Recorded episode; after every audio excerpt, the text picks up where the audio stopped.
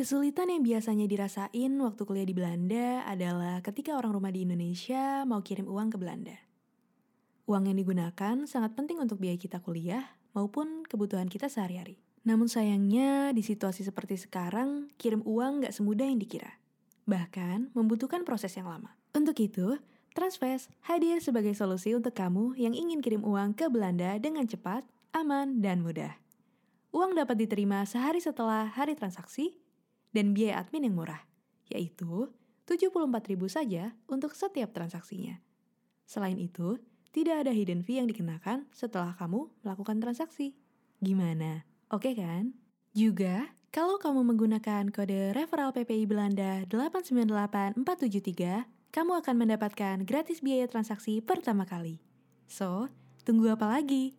Yuk, gunakan Transfers dan rasakan sendiri kemudahan kirim uang ke luar negeri. Transfers, cara paling mudah dan nyaman untuk kirim uang ke mancanegara. Hai semua, balik lagi di podcast PPI Belanda. Kali ini gue bakal jadi host kalian dan nama gue Krisan. Uh, gue third year creative business student di Breda University of Applied Sciences. Tapi kali ini kita bakal ngomongin tema yang sedikit spesial. Asik. Jadi di tema kali ini tuh kita bakal ngomongin soal keberangkatan ke Belanda. Nah, buat para calon mahasiswa-mahasiswi baru yang akan ke Belanda, boleh banget nih dengerin podcast PPI Belanda kali ini. Dan gue gak bakal sendiri tapinya gue bakalan ditemenin sama dua orang cantik asik. Dan kalian boleh memperkenalkan diri. Mungkin dari Selin? Boleh boleh. Halo semuanya gue Selin uh, first year process and food technology di The Hague University of Applied Sciences. Um, apalagi nih gue harus jelasin apa introduction apa lagi nih? Boleh itu. Itu juga apa-apa. Okay, kalau okay. ada tambahan misalnya hobi atau apa juga terserah. Tapi itu udah cukup kok Aulia Oke. Okay. Halo semuanya, gue Aulia, final year bachelor student di Rotterdam University of Applied Science, ngambil International Business Management. Oke, okay, nice. Jadi kita kan bakal ngebahas soal keberangkatan nih, keberangkatan buat anak-anak baru. Nah, pertama-tama gue mau ngucapin dulu ke para pendengar yang istilahnya anak-anak baru nih yang udah keterima nih di Belanda. Congrats buat mereka. Uh, tapi pasti pertama kali tuh pasti lu bingung dong mau berangkat ke Belanda tapi lu taunya cuman ya oke gue harus beli tiket gue harus bikin visa itu doang. Tapi maksudnya apa aja yang perlu disiapin kan pasti pada bingung nih. Kira-kira ada nggak sih kayak buku panduan atau uh, gue harus tanya ke siapa gitu? Um, jadi dari PPI Belanda kita udah nyiapin nih buklet untuk mahasiswa baru dan itu bisa diakses lewat websitenya PPI Belanda di situ tuh ada semua penjelasan mulai dari awal keberangkatan, daftar universitas, terus kayak list beasiswa, terus housing juga, dan kayak gimana sih cara um, tinggal di Belanda. Basically kayak semua penjelasan itu kita bikin di satu booklet ini. Dan kalian semua bisa akses lewat website kita di ppibelanda.org. okay, nice information. Soalnya dulu waktu gue pertama kali ke Belanda, jujur aja gue pakai agent gitu. Jadi gue nggak terlalu uh, tahu sebenarnya soal PPI Belanda tuh punya kayak booklet mahasiswa gitu. Jadi bener-bener karena kalau dari agent tuh pasti lo kan dibantuin kan. Misalnya oh ya nih lo harus ini ini ini kayak udah di list sama mereka apa aja perlu lo siapin. Lo tinggal kasih ke mereka, nanti mereka yang bantuin. Nah cuman setelah gue masuk ke PPI Belanda gue baru tahu kalau misalnya oh ada yang namanya buklet mahasiswa. Dan itu ternyata sebenarnya kepake banget buat anak-anak baru. Karena kan itu ada semuanya. Kayak yang lo bilang tadi um, ada apa namanya housingnya terus ada juga um, apa aja yang perlu disiapin. Jadi kayak bener-bener guidelines dari keberangkatan dan uh, pra keberangkatan gitu loh. Jadi bener-bener semuanya udah dari sana. Oke. Okay. jadi buat para pendengar atau buatan calon-calon anak-anak baru istilah yang udah mau berangkat kalian boleh nih boleh banget lihat ke websitenya PPI Belanda dan cek buklet mahasiswanya mm-hmm. oke okay. terus uh, yang mau gue tanya ini buat Selin nih kan Selin lu baru tahun pertama berarti lu baru berangkat tahun lalu ya yes nah lu uh, gue jujur aja gue sama Aulia mungkin kita udah uh, bukan lama sih namanya tapi kayak udah agak sedikit lupa tentang um, apa aja yang kayak kayak experience kita. Tapi nanti gue bakal coba jelasin juga. Mungkin dari Aulia ada perspektif yang beda. Tapi Mhm. kalau dari lo sendiri gimana sih experience? Apa yang um, kayak sebelum keberangkatan nih apa aja yang lo siapin? Terus Mhm. uh, apa pun lah. Coba lo ceritain Oke, dari pandang- pandangan lo Jadi secara kronologis ya ini ya. Tahun gue bisa dikatain em, tahun yang lumayan unik juga karena gue berangkat di masa-masa pandemik yang masih baru juga ya kan COVID waktu itu bulan Maret heboh di em, Indonesia. Terus gue tuh baru daftar uni tuh mepet juga bulan Mei gitu. Jadi eh, buat daftar uni terutama buat yang di eh, The Hague University of Applied Sciences gue butuh IELTS Em, kalau kalian dari sekolah nasional kayak gue, kurikulum nasional maksudnya, IELTS kalian harus overall eh, 6 dan bandnya juga 6. Em, terus apa lagi ya? Buat visa gitu-gitu juga akan diurus oleh pihak university langsung, MVV juga. Tapi nanti mereka akan membuat em, appointment buat kalian datang ke embassy buat ngambil student visanya itu. Nah, hal yang pengen gue tekenin banget yang kadang beberapa dari kalian miss itu check up, we. check up health check up, regular check up itu penting banget karena kalian sebagai mahasiswa juga pasti ngerasain kan di sini tuh check up buat medical check up ke dokter itu susah banget. Jadi di Belanda ini sistemnya itu em, per daerah kalau kalian mau daftar dokter dan itu perlu appointment, itu perlu eh, asuransi juga. Jadi itu lumayan ribet. Jadi sebelum berangkat em, better make sure kalian eh, in good health dan semuanya baik-baik aja gitu. Terus apa lagi ya? Oh, yang paling ribet nih biasanya anak-anak tuh akte lahir, legalisir akte lahir. Ya nggak sih? Hmm, Biasanya iya iya iya betul betul soalnya biasanya yang lain kan biasanya diurusin nama em, uni gitu tapi yang paling ribet sebelum keberangkatan tuh ngurus akte lahir karena harus dilegalisir harus ditranslate dulu dari bahasa Indonesia ke bahasa Inggris. Habis itu em, dilegalisir ke tiga tempat. Yang pertama ke Kemenhukam eh, kedua ke Kementerian Luar Negeri ketiga ke kedutaan Belanda. Jadi kebanyakan dari mereka juga udah buka prosesnya secara online. Jadi kalian bisa submit uh, PDF file ya kalian ke uh, translated file kalian uh, akta lahir kalian ke online website mereka aja. Nah, apalagi ya? Apalagi nih kira-kira? Makanan Hmm. atau koper kali? itu kayak kita bisa save dulu buat nanti kali ya Save buat dulu, kayak oke, setelah oke. kita sampai nah kalau misalnya em, Aulia gue mau nanya lu Mhm. waktu berangkat ke Belanda lu pakai agent atau enggak Nah, kalau gue juga sama kayak lo, gue waktu itu pakai agent. Jadi Ah, sebenarnya oke. kayak dari sisi gue nggak banyak yang gue lakuin. Gue cuman kayak submit diploma, terus kayak oh sama TOEFL IELTS juga gue nggak nggak pakai TOEFL IELTS karena gue dari international school dan diploma gue waktu itu IB diploma. Nah, jadi kalau buat kalian yang dari international school dan megang IB diploma itu nggak perlu tes TOEFL or IELTS lagi gitu sih. Terus Oke. Ya proses pendaftarannya juga sama kayak yang udah Selin jelasin tadi. Em, bedanya kalau sama agent tuh udah diurusin dan kayak gue submit aja data-data yang diperluin, terus mereka yang bantu gitu loh. Tapi untuk misalnya kayak bikin appointment untuk legalisir akta lahir itu gue lakuin sendiri. Terus untuk bikin appointment buat ambil MVV visa ke kedutaan itu juga lakuin sendiri. Um, terus pas udah nyampe di Belanda juga semuanya harus dilakuin sendiri kayak agentnya tuh udah nggak ngurusin lagi kalau kita udah sampai sini.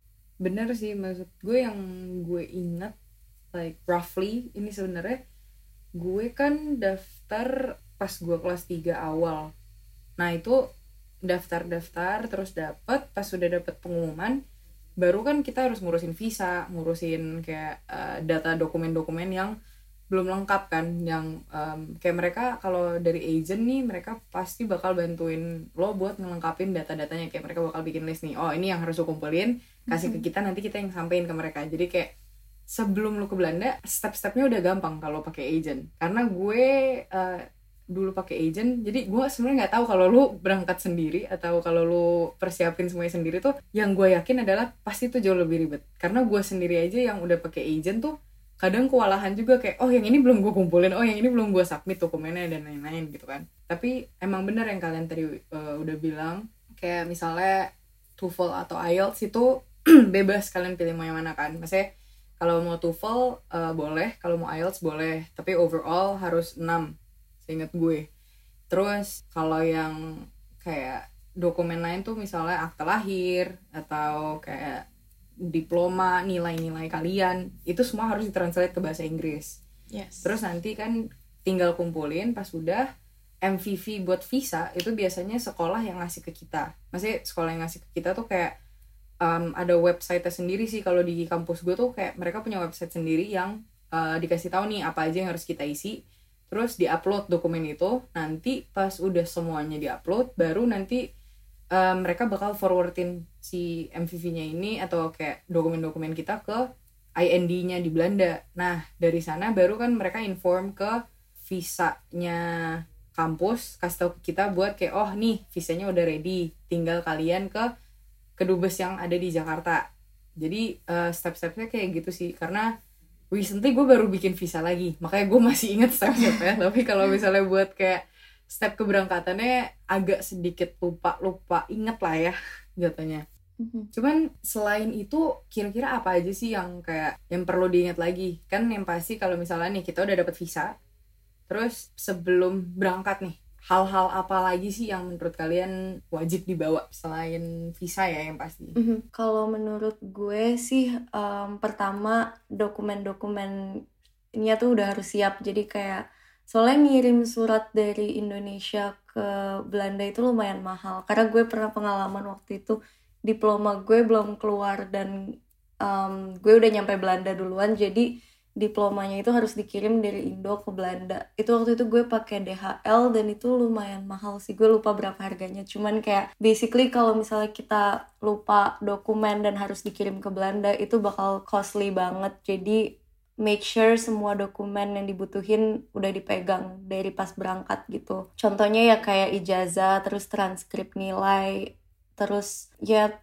TOEFL, IELTS gitu-gitu. Akte lahir itu juga penting banget. Terus um, mungkin sebelum berangkat juga make sure kalian udah ada um, asuransi di Belanda. Soalnya itu penting banget kan di sini kayak student semuanya harus Benar, punya insurance. Nah, uh, enaknya pakai agent itu asuransi udah diurusin sama mereka juga. Jadi kayak hmm, waktu itu gue kurang tahu gimana ap- aplikasi vis uh, apa asuransinya tapi udah diurusin sama mereka waktu itu gue sih pakai AON student insurance mungkin mostly kalian pakai itu juga pas awal Hmm, kalau gue enggak sih. Gue tahun pertama ada dari kampus. Cuman Oh, oke. Tahun kedua lo harus cari sendiri. Nah, wait, itu uh, apa namanya subscription ya? Gue nggak tahu sih ngomongnya gimana. Tapi kayak subscriptionnya tuh cuma setahun. Kayaknya sih harusnya bisa dilanjutin sebenarnya. Cuman karena kata sekolah mereka nggak kerja sama lagi, jadinya gue harus cari yang baru. Nah, yang gue tahu yang paling terkenal istilahnya kalau di Belanda kan AON. Jadi gue ngambilnya AON aja dan Mhm. kebetulan semua teman-teman gue atau rata-rata teman-teman gue yang di sana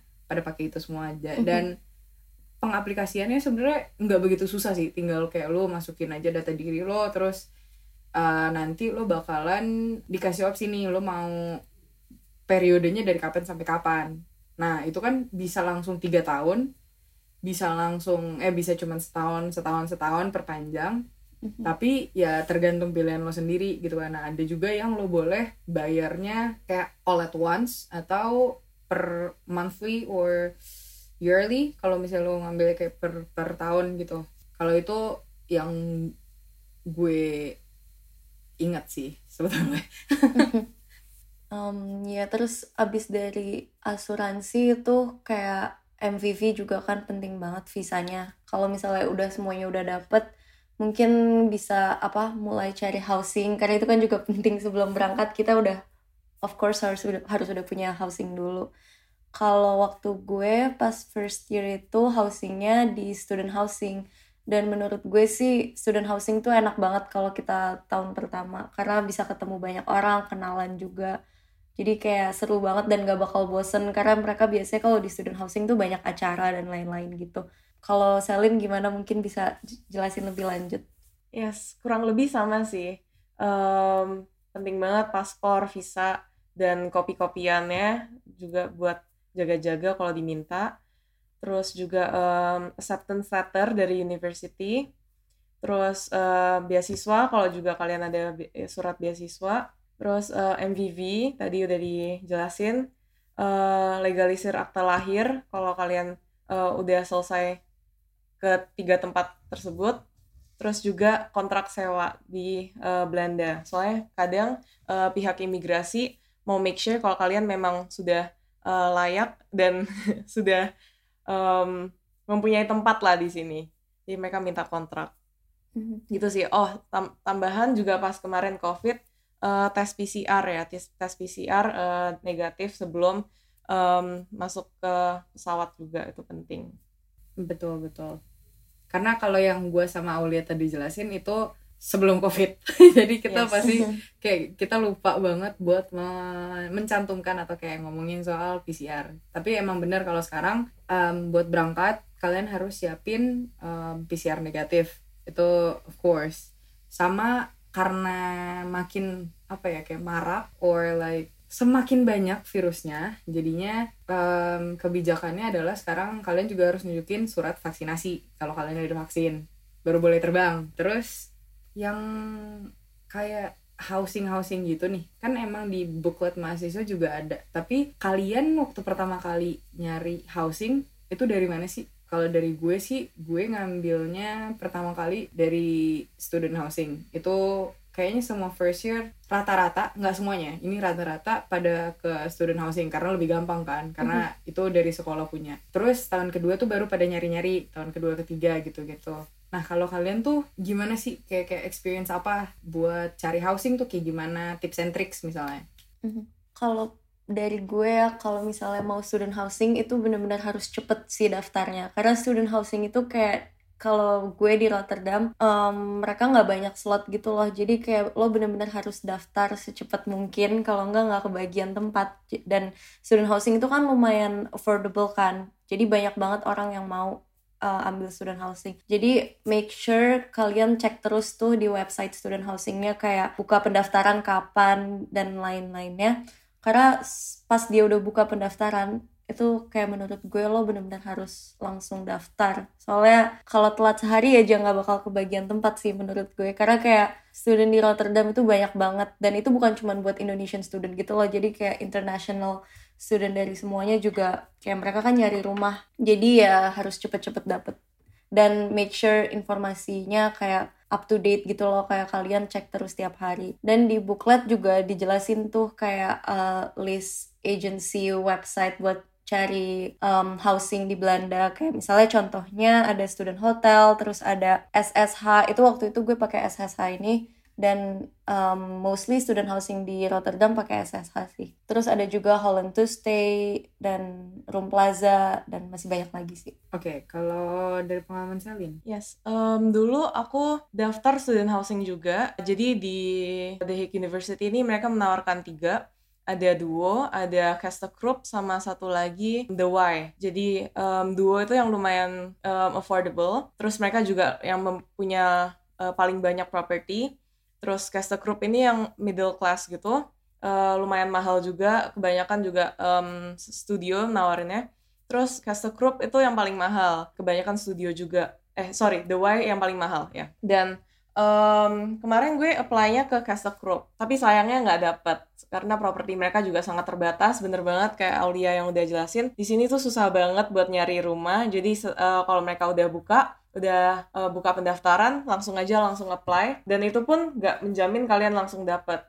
Gue aja nggak dapet. Jadi kemarin gue minta temen gue yang di sini eh, mutual buat eh, bantu cariin rumah. Jadi kalian kalau misalnya belum dikabarin pun jangan diem aja. Kalian harus proaktif sendiri buat reach out ke teman-teman yang di sini. Mungkin bisa langsung DM uh, anak-anak PPI kota-kota kalian masing-masing atau PPI Belanda pun buat siapa tahu mereka ada rekomendasi tempat siapa tahu mereka ada tempat yang kosong juga dan oh kalian kalian juga kalau misalnya nyari rumah penting banget buat nanya teman-teman yang di sini daerahnya gimana atau biasanya ter- ada beberapa daerah yang memang suspicious atau uh, high, punya high rate in crime. Jadi kalian harus hati-hati juga ya. Iya, benar banget tuh masalah daerah juga harus dikonsider. Kayak jadi berguna banget nih kalau misalnya kayak kawan mahasiswa itu nanti bakal kayak ngebantu banget. Kan mereka udah tinggal di Belanda cukup uh, lebih lama lah dari kalian yang baru mau datang. Jadi obviously mereka tahu daerah-daerah mana yang bagus untuk ditinggalin for students dan mana juga yang lebih bahaya gitu loh. Dan itu juga harus dikonsider sih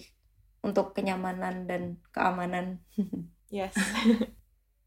Bener banget.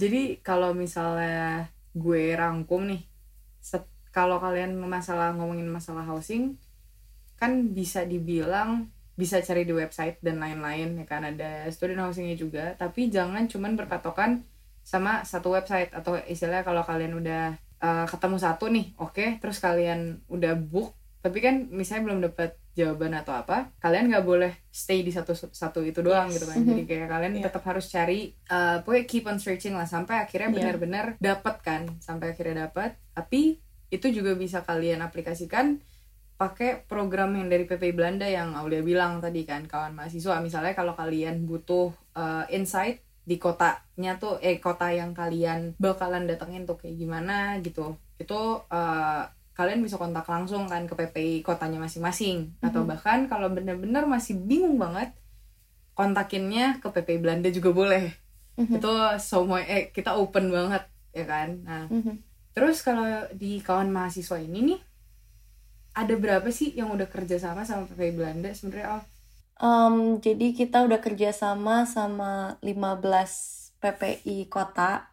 Pertama tuh ada Eindhoven terus ada Arnhem Utrecht, Leiden, Nijmegen, Tilburg, Deventer, Den Haag, Rotterdam, Kota Den Haag, Groningen, Enschede, Wageningen, Delft, sama Maastricht. Jadi um, hmm. kita ada di 15 kota tersebut dan kita bisa ngebantu uh, kalian yang mau datang ke Belanda dari kalian belum tahu apa-apa kita bantu kita dampingin dan kita kasih tahu lingkungan di sini kayak gimana terus basically kita bakal jawab semua questions yang masih kalian punya gitu loh dan ya untuk info lebih lanjut mungkin bisa dicek di Instagram PPI Belanda juga di situ kita ada poster kawan mahasiswa dan kayak contact person semuanya bisa daftar langsung dari Instagram kita.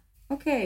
berarti buat para pendengar yang masih pada bingung, yang masih pada penasaran atau pengen tahu sekarang sebelum berangkat ke Belandanya, boleh tuh langsung dicek di IG-nya PPI Belanda, langsung diisi kontak formnya. Nanti PPI Belandanya atau kayak um, dari Aulio and Team tuh pasti bakalan ngasih tahu ke kalian nih kayak oh nih kalian kontak ke PPI kotanya atau kayak pasti bakal dikasih kontak personnya juga mm -hmm. supaya kalian bisa langsung ngobrol sama PIC-nya masing-masing. Tapi hmm. gue mau ngasih tau juga sebenarnya kalau Breda kan nggak ada ya. Itu Breda gimana tuh? Kalau nggak ini gue ngambil contoh doang sebenarnya karena Breda atau kayak beberapa kota kan di Belanda ada beberapa yang nggak ada PPI kotanya. Hmm. Itu uh, gimana sih kayak kayak maksudnya pasti ada beberapa yang sebenarnya mau masuk ke kota sana tapi mereka juga bingung kan nggak ada PPI kotanya atau gimana gitu. Menurut lo langkah yang harus mereka lakukan tuh gimana kira-kira? Oke, okay, untuk mungkin untuk PP untuk kota yang nggak ada PPI di kotanya itu um, biasanya sih diarahin ke kota terdekat ke PPI kota terdekat. Nah kalau to be honest gue gak hafal juga kayak harus ke mana-kemananya. Tapi untuk kalian biar tahu info lebih lanjutnya itu DM aja ke PPI Belanda. Soalnya kan di PPI Belanda kita punya hotline. Kalian tinggal di DM PPI Belanda dan tanya aja kayak misalnya yang lo bilang tadi di Breda harus ke mana lo tanya aja. Nanti pasti mereka bisa jawab dan bisa bantu. Kayak oke okay, lo reach out ke PPI kota yang ini aja gitu loh. Oke. okay itu sudah menjawab sebenarnya karena gue gue ngerasanya tuh um, masih banyak juga sebenarnya orang-orang yang ke Belanda tapi bukan ke kota-kota besar atau ke uh -huh. 15 kota yang tadi lo udah sebutin jadi mereka juga kan pasti mau cari informasi kadang masih bingung gitu kan misalnya kayak oh gue mau cari PPI kotanya pas mereka cari di Instagram kok nggak ada PPI kotanya gitu kan jadi uh -huh. palingan kalau kalian benar-benar ke kota yang belum ada PPI-nya kalian bisa langsung kontak ke PPI Belanda sebenarnya. Mm -hmm. Terus nanti bakal dibantu jawab buat ke PIC kotanya masing-masing. Mm -hmm. Oke, okay, jadi to sum everything up itu kita kan tadi udah ngomongin nih soal keberangkatan kita harus siapin visanya, dokumen-dokumen, terus harus siapin IELTS-nya, acceptance letter, terus ya PCR negatif gitu-gitu kan oh sama insurance. Mhm. insurance menurut gue yang harus kalian persiapin juga. Soalnya kan kalau di Belanda insurance yang dari tadi kita udah sebutin juga penting banget di Belanda. Sama kalian harus siapin housing. Em, apa bukan housing agreement yang kalian udah dapat sebelum kalian ke Belanda. Nah setelah itu semua beli tiket pesawat yang pasti ya kan? Karena kan nggak mungkin kalian mau berangkat ke Belanda tapi nggak ada tiket pesawat visa udah jadi. Oke terus kalau udah beli kalian berangkat. Nah pas sudah sampai di Belanda apa yang harus kita lakuin pertama kali? Maksudnya eh, setelah keluar dari imigrasi, ngambil bagasi dan lain-lain, kalian ke kotanya kalian masing-masing, what's the next step? Um, mungkin menurut gue yang harus kalian ngerti dari awal itu rute sama transportasi. Itu penting banget ya. Abis dari Schiphol keluar, kalian bingung harus ke mana itu udah harus dipikirin dari awal kayak transportasinya gimana, naik train gitu, itu caranya gimana, dan lain sebagainya. Nah, biasanya tuh kalau gue personally waktu pas awal baru datang itu dari kampus gue ada program kayak student pick up service gitu. Jadi gue dijemput sama senior di kampus gitu. Nah, itu enak banget sih. Jadi mereka jemput gue di Schiphol, terus kita ketemu di Schiphol dan mereka anterin ke student housing gue juga. So, it's really nice. Tapi kalau untuk sekarang gue nggak tahu ya uh, programnya gimana? Karena kan lagi covid gini gue nggak tahu kalau student pick up tuh ada atau enggak tapi harus dicek sih. Oke, dan bisa tanya juga mungkin ke PPI Belanda karena kan program kawan mahasiswa kalau misalnya memungkinkan bisa juga tuh jemput kalian atau gimana. Mungkin bisa ditanya-tanya lebih lanjut juga. Itu bisa jadi option lain. Oke, oke.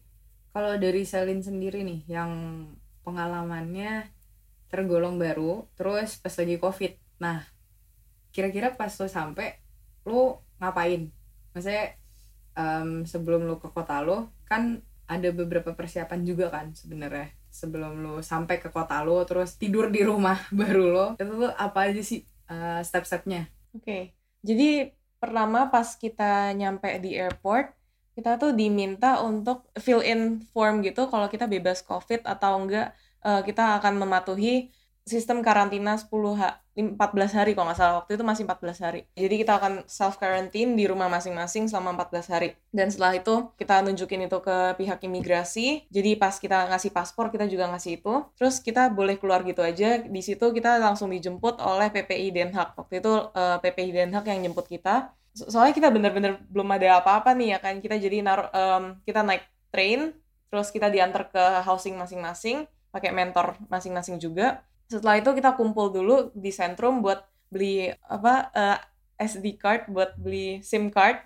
Yes, SIM card Belanda. Terus juga beli beberapa groceries buat eh, karantina selama 14 hari itu. Jadi habis eh, selesai eh, belanja-belanja itu kita langsung masuk self quarantine. Nah, setelah itu kita juga boleh keluar buat eh, PCR atau swab test juga.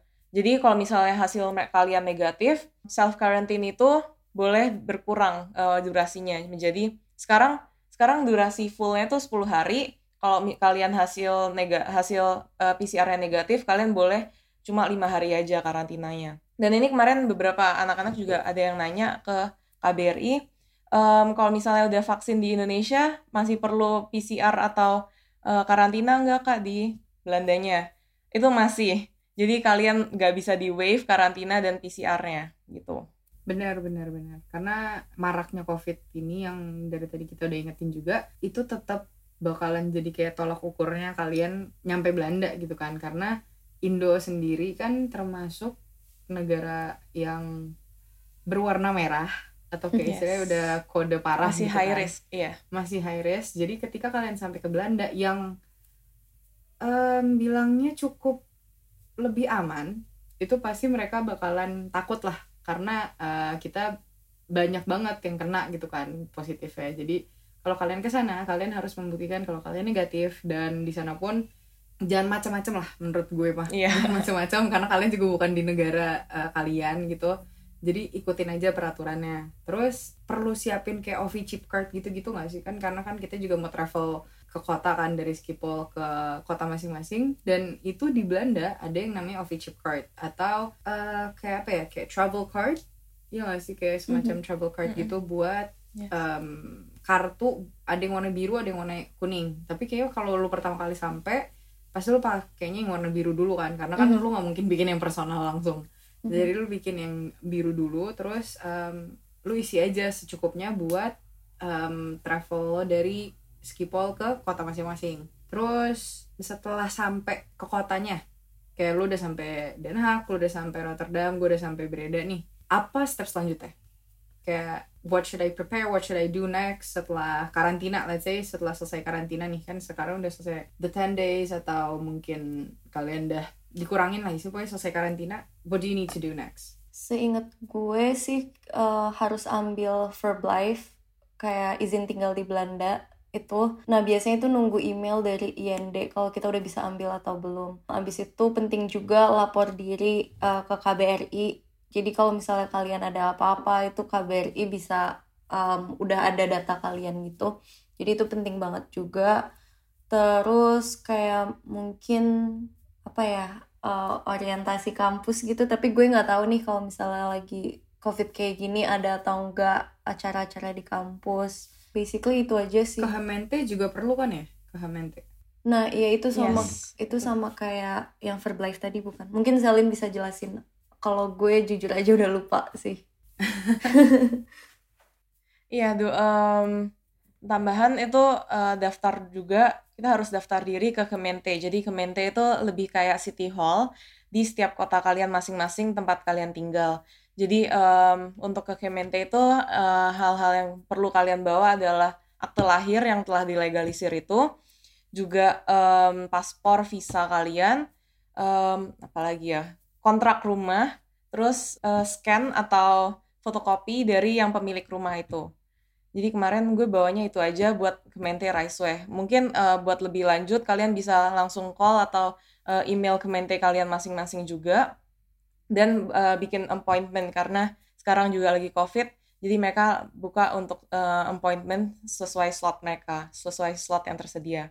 Nah dari situ setelah kalian sudah ngurus di Kemente, kalian setelah 3 atau lima hari eh, akan dapat BSN, BSN number. Jadi itu adalah nomor kalian eh, nomor kependudukan lah di situ di sini namanya nomor kependudukan kalian yang dapat kalian gunakan untuk apply bikin bank bank account atau eh, bikin OV chip card yang personal juga gitu-gitu.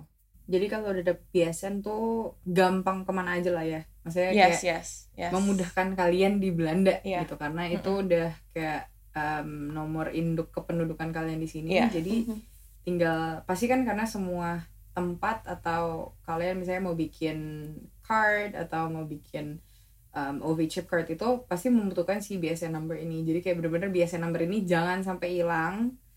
Uh, kalaupun juga. hilang, Iya. iya. Kalaupun hilang masih bakalan bisa uh, apa ya ditanyain lagi sih sebenarnya. Cuman Mm-mm. kalian harus bikin appointment lagi atau kayak nanya aja langsung ke mereka Oh ya, itu juga perlu BSN number ini perlu buat daftar eh, general practitioner atau dokter di sini. Oke. Jadi kan tadi lu bilang nih, Sal, kalau misalnya lu datang pas masih Covid nih, kan? Pas masih Covid. Terus lu harus karantina. Kan kalau karantina berarti meskipun ini self quarantine ya, kayak lu mandiri, lu nggak harus nyewa hotel, nggak harus apa kayak di Indo, tapi pasti lu bawa hal-hal essential dong sebelum lu berangkat ke Belanda nih. Terus eh, kalau lu self quarantine ya karantina gitu loh. You, you can't go out, you can't buy things. Jadi apa yang lu siapin? Apa yang hal-hal penting apa nih yang harus dibawa dari Indo ke Belanda?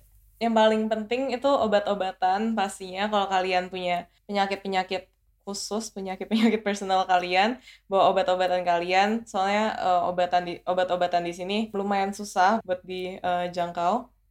Dan balik lagi kalian juga perlu dokter, resep dokter gitu-gitu yang lumayan ribet prosesnya. Jadi obat penting, terus juga makanan yang kalian bener-bener gak bisa lepas gitu. Itu bawa. Tapi jangan banyak-banyak juga karena di sini di Belanda eh, kalian bisa beli setelah karantina nanti ada eh, Oriental itu Asian supermarket yang bisa yang banyak banget kayak Indomie segala, micin segala juga banyak di situ. Jadi gak usah bawa dari Indonesia. Hiburan penting selama berapa hari. Udah sih paling itu-itu doang. Dan juga kalian di sini kemarin sih gue dikasih kesempatan untuk belanja sih. Jadi sebelum masuk karantina gue belanja dulu groceries yang lumayan banyak Oh, terus juga housing gue sekarang mempunyai peraturan baru. Kalian kalau misalnya karantina, eh, mereka bisa nyediain makanannya. Jadi tergantung housing kalian juga. Oh, keren juga housing lo. ada ada opsi gitu. Oke, sebenarnya di Belanda itu emang ya bebas gitu kan, karena kita juga karantina mandiri. Jadi pinter-pinternya kita aja gimana cara buat menghabiskan waktu karantina itu dengan baik. Dan juga em, berarti kita harus bawa-bawa barang-barang yang kayak makanan-makanan yang kita suka nih, karena kan kita nggak boleh kayak keluar sebebasnya kita. Jadi pesannya berarti bawa-bawa makanan yang kalian suka banget terus hiburan as in kayak books atau mungkin games atau hal-hal kecil yang kalian suka yang buat menghabiskan waktu kalian. Sama kalau misalnya di housing kalian ada peraturan yang kayak Selin punya housing berarti kalian aman lah. Karena dari pihak housingnya bakalan kasih kalian makanan atau itu makanan udah jadi atau kayak kalian harus Iya, makan makanan kayak udah jadi gitu. oke. Oh iya, kalau misalnya kalian mau traveling ke sini di masa pandemi kayak gini, biasanya tuh di Instagram PPI Belanda selalu ada COVID update. Itu dicek aja eh, sering-sering kayak biasanya mereka jelasin peraturan untuk traveling ke sini gitu-gitu sih. Hmm, mungkin kalau dari gue itu aja sih. Em, tapi kalau misalnya kalian mau kayak list lebih jelas kayak apa yang harus dibawa, terus dokumen-dokumen apa aja gitu, bisa dicek di booklet karena menurut gue di booklet tuh itu udah lengkap banget udah ada semuanya penjelasan dari awal em, sebelum berangkat terus pas di Belanda harus ngapain terus penjelasan mengenai OV chip card itu juga ada di booklet Oke, jadi buat para pendengar PPI Belanda podcast, kita udah ngebahas nih beberapa hal tentang kayak keberangkatan, apa yang harus dia siapin. Jadi buat ngerangkum semuanya, kita harus siapin visanya. Gua nggak bakalan uh, lupa buat ingetin kalian terus buat nemangin visa, terus insurance, housingnya, terus juga kayak the documents yang kalian udah kumpulin semuanya itu tetap harus kalian bawa. Karena in case something happen kalau kalian eh, kalau mereka membutuhkan dokumen-dokumen itu kalian bisa kasih unjuknya. Terus semua itu bisa kalian akses di booklet mahasiswa. Dan itu semua ada penjelasannya tuh kayak mulai dari apa aja dokumennya terus apa pun yang akan kalian perlukan istilahnya di di Belanda sendiri kayak misal OV chip card terus ada juga program kawan mahasiswa ini. Jadi semuanya bisa kalian lihat di booklet mahasiswa. Terus ada juga kalau kalian punya pertanyaan atau apa pun bisa kalian langsung ke hotline-nya PPI Belanda juga misalnya buat pertanyaan lebih dalam lagi.